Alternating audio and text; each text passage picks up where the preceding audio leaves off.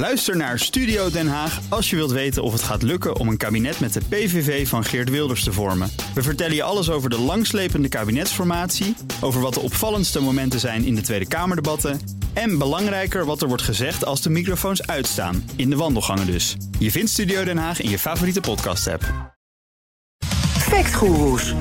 En dat zeg ik niet voor niks, want het is dinsdag en bijna 9 uur. Dus gaan we weer factchecken met onze eigen factguru Frank Leeman. Frank, goedemorgen. Ja, goedemorgen. Het is Barbie News Radio dag vandaag, begrijp ik? Ja, een beetje wel, want er is een soort heuse populariteitskwestie gaande. Met in de ene hoek dus Barbie, de film. En in de andere hoek uh, niet Barbie Ken, maar Barbie Ron. Namelijk uh, Ron DeSantis, de gouverneur van Florida. Mm -hmm. En nu dus een van de mogelijke presidentskandidaten hè, voor de Republikeinen. Want volgens een post op social media zou Barbie in één dag, dus de film, in één dag meer geld hebben opgehaald dan DeSantis in zijn hele leven. En uh, daar is al een factcheck van, van van AP News, maar die missen een stukje, vond ik. Dus ik heb daar wat aan toegevoegd. Oké, nou, dat is inderdaad wel leuk. Maar eventjes voor de cijfers. De film Barbie verbreekt allerlei records, zeg. Gisteren door een miljard opbrengsten. Ah, maar gouverneur word je ook niet zomaar. Hoe, hoe, hoe zit dat? Hoe zit dat nou precies? Nou, en dan beginnen we dus even bij uh, Barbie. Heeft inderdaad, wat je zei net al, een miljard, miljard opgehaald wereldwijd sinds de release. Maar de claim heeft dus over één dag van de film versus de hele carrière van DeSantis. Nou, op dit moment haalt Barbie iets van 22 miljoen per dag binnen, mm -hmm. wereldwijd in dollars. Maar op het hoogste punt, de vrijdag van het openingsweekend, haalde de film 48 miljoen dollar binnen. En tot daar loopt dan die factcheck van AP News. Maar ze kijken dan dus alleen maar naar de US-opbrengst. En ik heb even de internationale opbrengst erbij gepakt. Want hij kwam in de hele wereld ongeveer op hetzelfde moment uit. En dat gaat dan om 142 miljoen het eerste weekend. en het is dan onduidelijk, ja, spoorlijk flink. Het is onduidelijk of dat om drie of twee avonden gaat. Maar laten we even zeggen dat het twee zijn. Dus dan delen we dat. Dan zijn het 71 miljoen. Plus die 48 van net is 119 miljoen. Okay. Uh, heeft Barbie opgehaald. En daar zou DeSantis dan dus ja, onder blijven. Ja, zijn hele leven. En klopt dat inderdaad? Heeft hij minder opgehaald in zijn hele leven dan dat cijfer één dag Barbie? Nou ja, volgens de website van de Federal Election Commission heeft DeSantis al 20 miljoen dollar opgehaald binnen zijn Ron DeSantis for President fundraiser uh, kader, dus nu recent zeg maar. Ja. Dan heeft hij in het verleden nog 7 miljoen opgehaald om in Congress terecht te komen in 2012. En om gouverneur van Florida te worden, zou hij volgens de Amerikaanse website followthemoney.org, uh, en die moet je even niet ver, uh, verwarren met Follow the Money in Nederland. Uh, en volgens die website heeft DeSantis tijdens zijn gooi naar het gouverneurschap van Florida 270 miljard dollar binnengehaald. Dus dat samen met die bedragen van net ga je ruimschoots over de 300 miljoen heen. Ja. En ja, dat, dat haalt Barbie niet ja, nee, per dag. Dat is waar. Je zei 270 miljard, maar 270 miljoen hè, bedoel je natuurlijk. Met, met oh ja, 270 miljoen, ja, sorry. Ja. het zou wel heel veel zijn. Maar dan heeft, ja, dan heeft die Barbie dus gewoon verslagen. Dan is deze, deze uh, fact is niet waar. Nee, precies.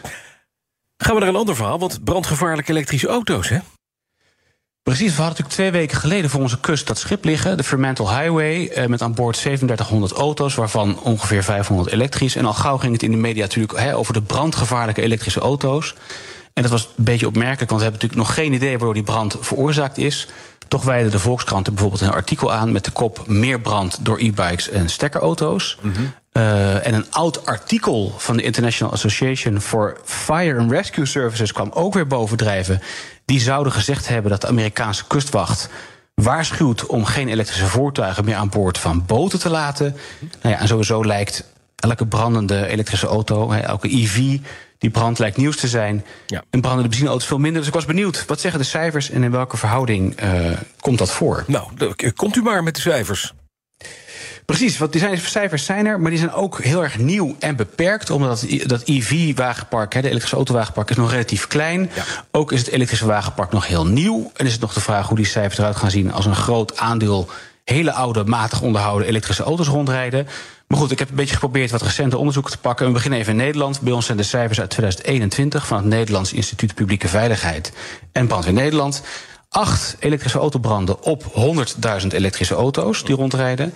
En ongeveer 570 branden, uh, benzineauto's en diesel, per 100.000 auto's. Dus het is een factor 70 ja. verschil in het nadeel, zou ik maar zeggen, van de benzine of de verbrandingsmotor.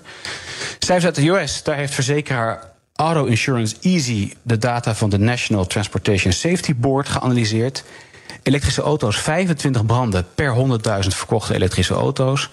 Hybride 3400 branden per 100.000 auto's. Sorry. En brandstof uh, 1500 branden per 100.000 auto's. Nou, het verschil volledig elektrisch en brandstof is een factor 60. Het lijkt een beetje op onze cijfers. Hybride doet het overigens waarschijnlijk zo slecht. Ja, vermoedelijk omdat je dus twee krachtbronnen hebt... en dus mogelijk twee keer meer kans op uh, ja. problemen, zal ik maar even zeggen. Mm -hmm. Als laatste hebben we nog Zweedse cijfers. Drie elektrische autobranden op 100.000 verkochte elektrische auto's. En uh, de verbrandingsmotor 77 op 100.000. Dus dat is ook een factor 25 keer meer brandstofautobranden. Ja. Gek genoeg wel een hele andere orde van grootte dan die cijfers die we net hoorden van Amerika en Nederland.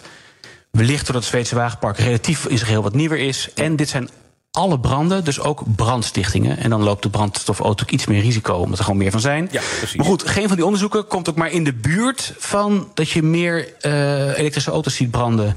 Uh, of überhaupt gelijk. Dat is echt een groot verschil. Precies. Dat, dat, is, dat is goed nieuws. Ja.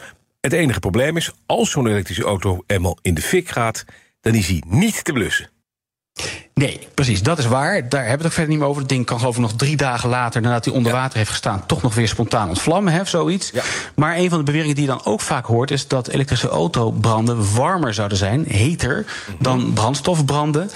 Daar kon ik één heel goed onderzoek over vinden. En die is best wel tof, want daar hebben onderzoekers in Korea.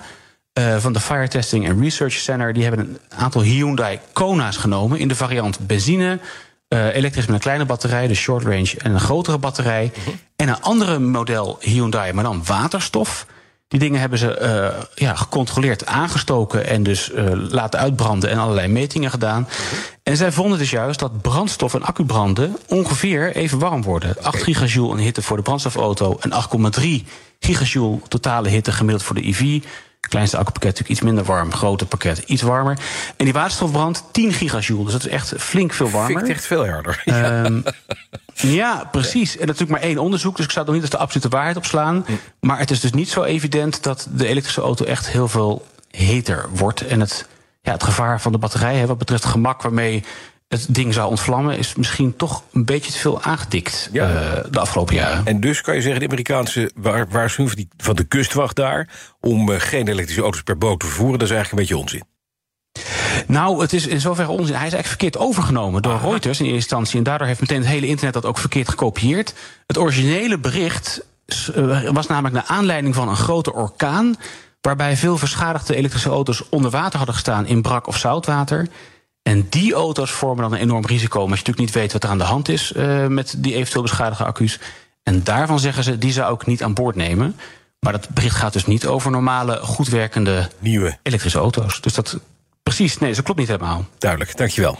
Onze factguru Frank Leeman. Ook Hugo Reitsma vind je in de BNR-app. Superhandig die BNR-app. Je kunt alle programma's live luisteren, breaking nieuwsmeldingen.